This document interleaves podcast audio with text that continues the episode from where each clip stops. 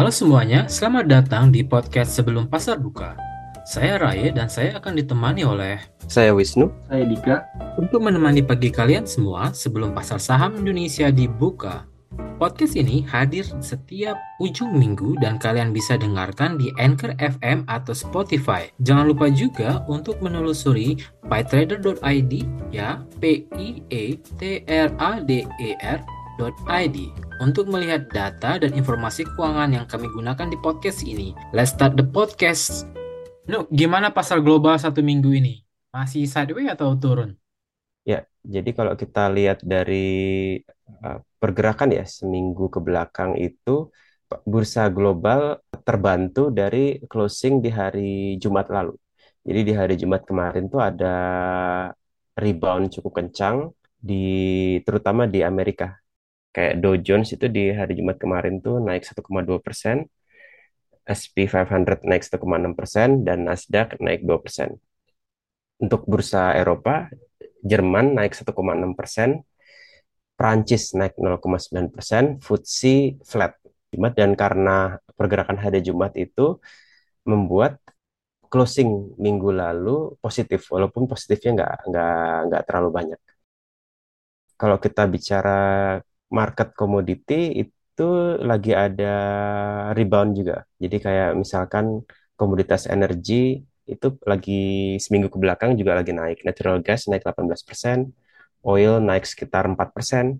Lalu untuk yang metals juga pada naik ya, mayoritas naik, yang turunnya tuh turunnya 0%. Jadi 0,0%, jadi eh, tipis turun. Jadi kayak copper, gold, silver, lead, iron ore tuh pada naik semua, kisaran 2 persenan. Lalu agriculture juga lagi ada kenaikan selama seminggu ke belakang, CPO sama pulp terutama naik 1 sampai 4 persen. Lalu yang kenaikannya cukup fantastis itu dari logistik malahan. Baltic Dry Index. Jadi BDI Global itu naik 37% minggu lalu. Selalu ada gerakannya tuh gelombang, seperti gelombang nggak nggak mungkin uh, tarik garis lurus. Sebentar.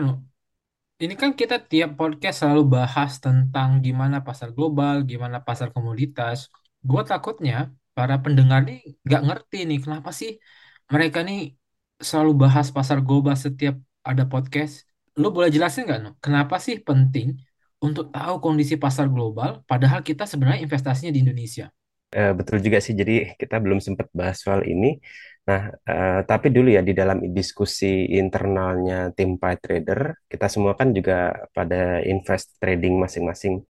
Itu sering kita bahas. Jadi kelebihan ya uh, kita sebagai emerging market dan ada patokan bursa global gitu, bursa yang lebih lebih maju, lebih advance seperti eh, US dan Europe itu, kita kayak punya dalam tanda kutip contekan Ya itu, jadi kita bisa ngintip gitu. Jadi apa yang terjadi di bursa global itu biasanya sedikit banyak punya pengaruh ke bursa lokal.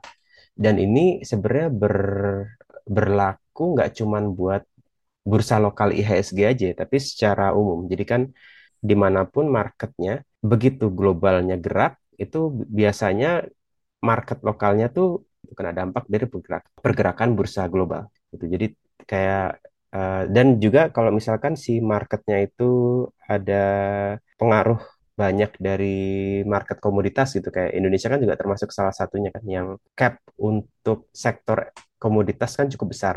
Nah, jadi itu makanya pergerakan market komoditi itu ngaruh banyak juga buat naik turunnya bursa IHSG begitu. Oke. Kita ke dividend play sekarang. Ini karena gue kepengaruh sama banyaknya konten Instagram tentang dividend play. Lu setuju nggak, no? Kalau sekarang ini strategi yang sesuai itu ialah dividend play. Kenapa? Ini argumen dari yang gue lihat di Instagram atau sosial media sih ya.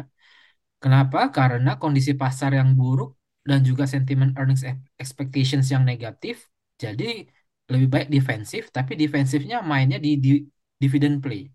Kan banyak tuh no, influencer yang bilang jangan khawatir, pasar meskipun turun ya beli aja saham dengan dividen tinggi. Gimana menurut lo? No? Um, ada benarnya sih, tapi setengah ya, setengah benar karena ini tuh benarnya lebih kayak textbook sih.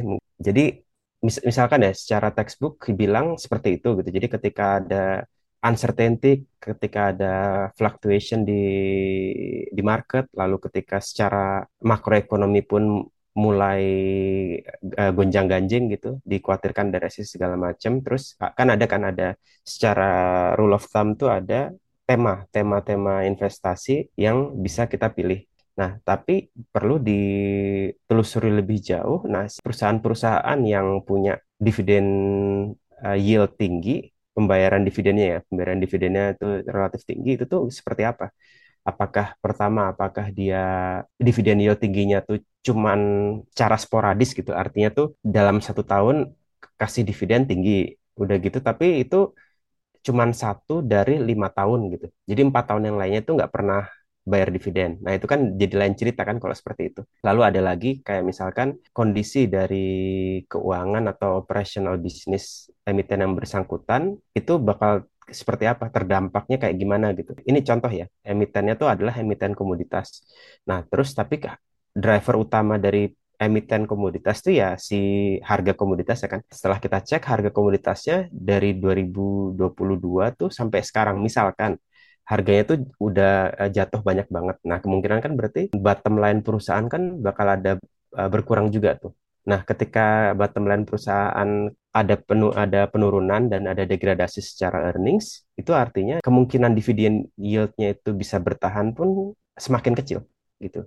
Jadi memang ada beberapa faktor sih yang perlu dipahami untuk dividen yield ini. Berarti no ada kemungkinan nggak perusahaan yang biasanya ngasih dividen tinggi tapi karena tahun ini efek inflasi mulai kerasa, lalu earningsnya berkurang, maka dia malah nggak ngasih dividen atau bahkan dividennya dia kurangi.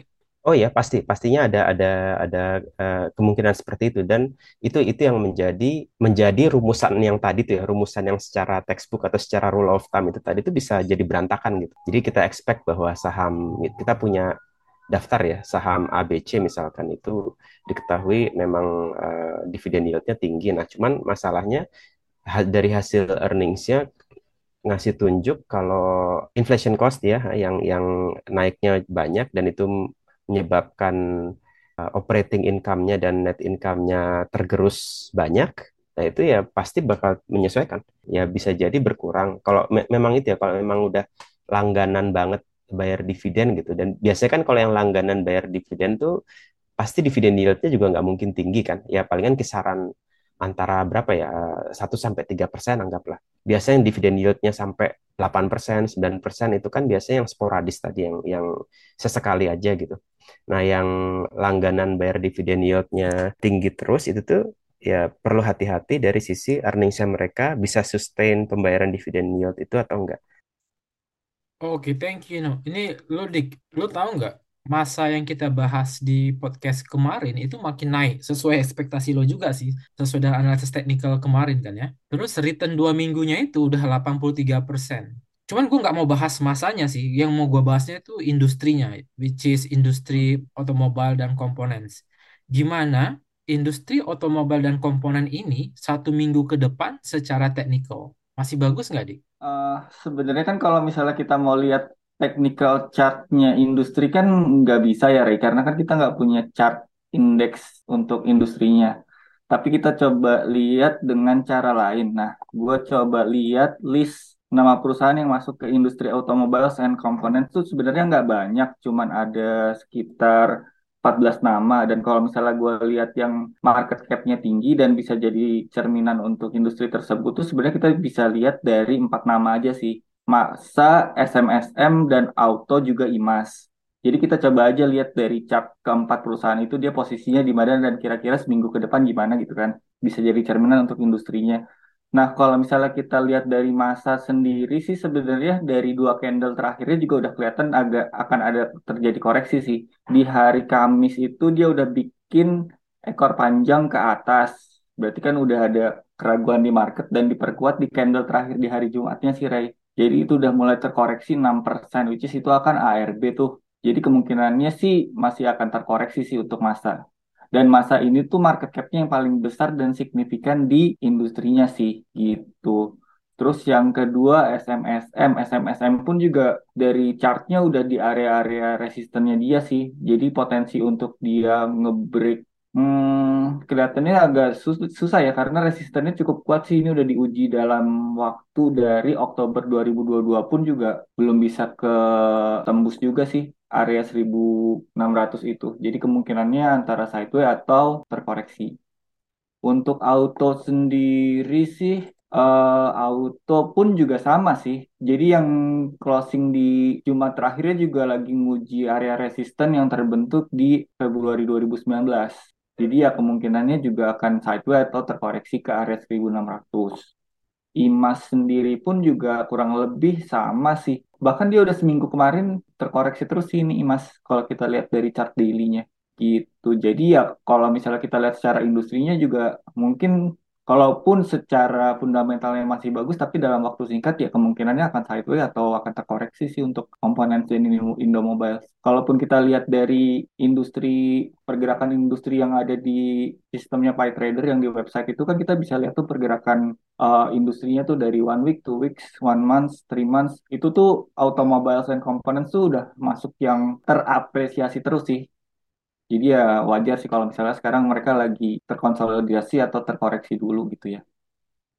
Itu kan big player di komponen Hmm. automobile and components. Ini Hmm. gua ada perhatiin satu emiten eh, Dharma, DRMA di udah naik Hmm. 8% per satu minggu. Kalau Yep, yep. DRMA ini secara teknikal bakal terkoreksi kayak the big player atau gimana, Dik, satu minggu ke depan? Hmm, kalau gue sih ngerasanya pasti bakal ada koreksi ya. Harusnya maksudnya sih sebenarnya kalau dari chartnya sih ya mereka dia kan masih naik terus tuh. Belum ada tanda-tanda koreksi tapi ya chartnya sering banget bikin ekor sih Rai, baik ekor ke bawah ataupun ekor ke atas. Jadi ya mulai hati-hati aja sih. Dan ada resisten nggak jauh dari harga sekarang ya. Itu resistennya itu sekitar berapa persen lagi?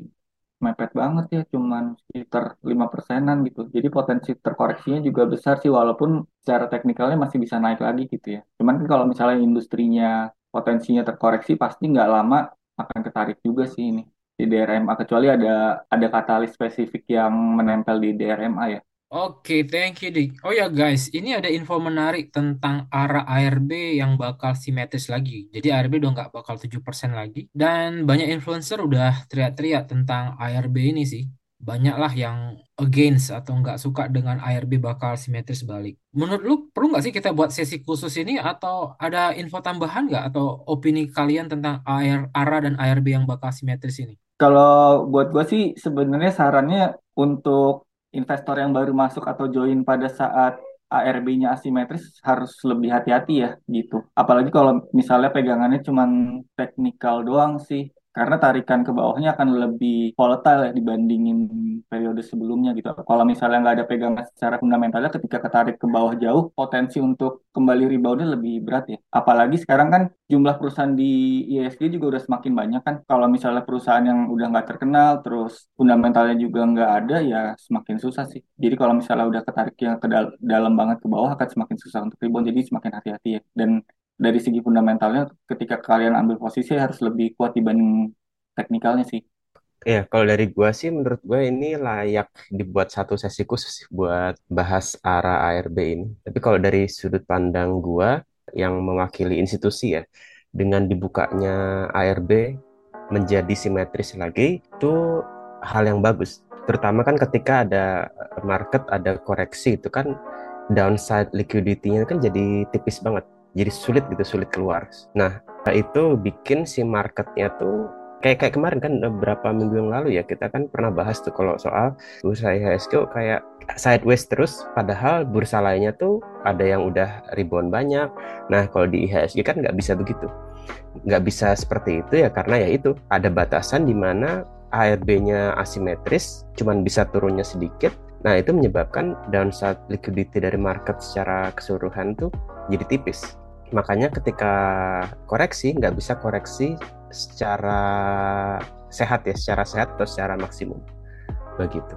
Gua rasa itu dulu untuk hari ini. Terima kasih telah mendengarkan. Saya Raye. Saya Wisnu. Edika. Kami tutup pasar kami dulu. Terima kasih. Sampai jumpa di sebelum pasar buka berikutnya.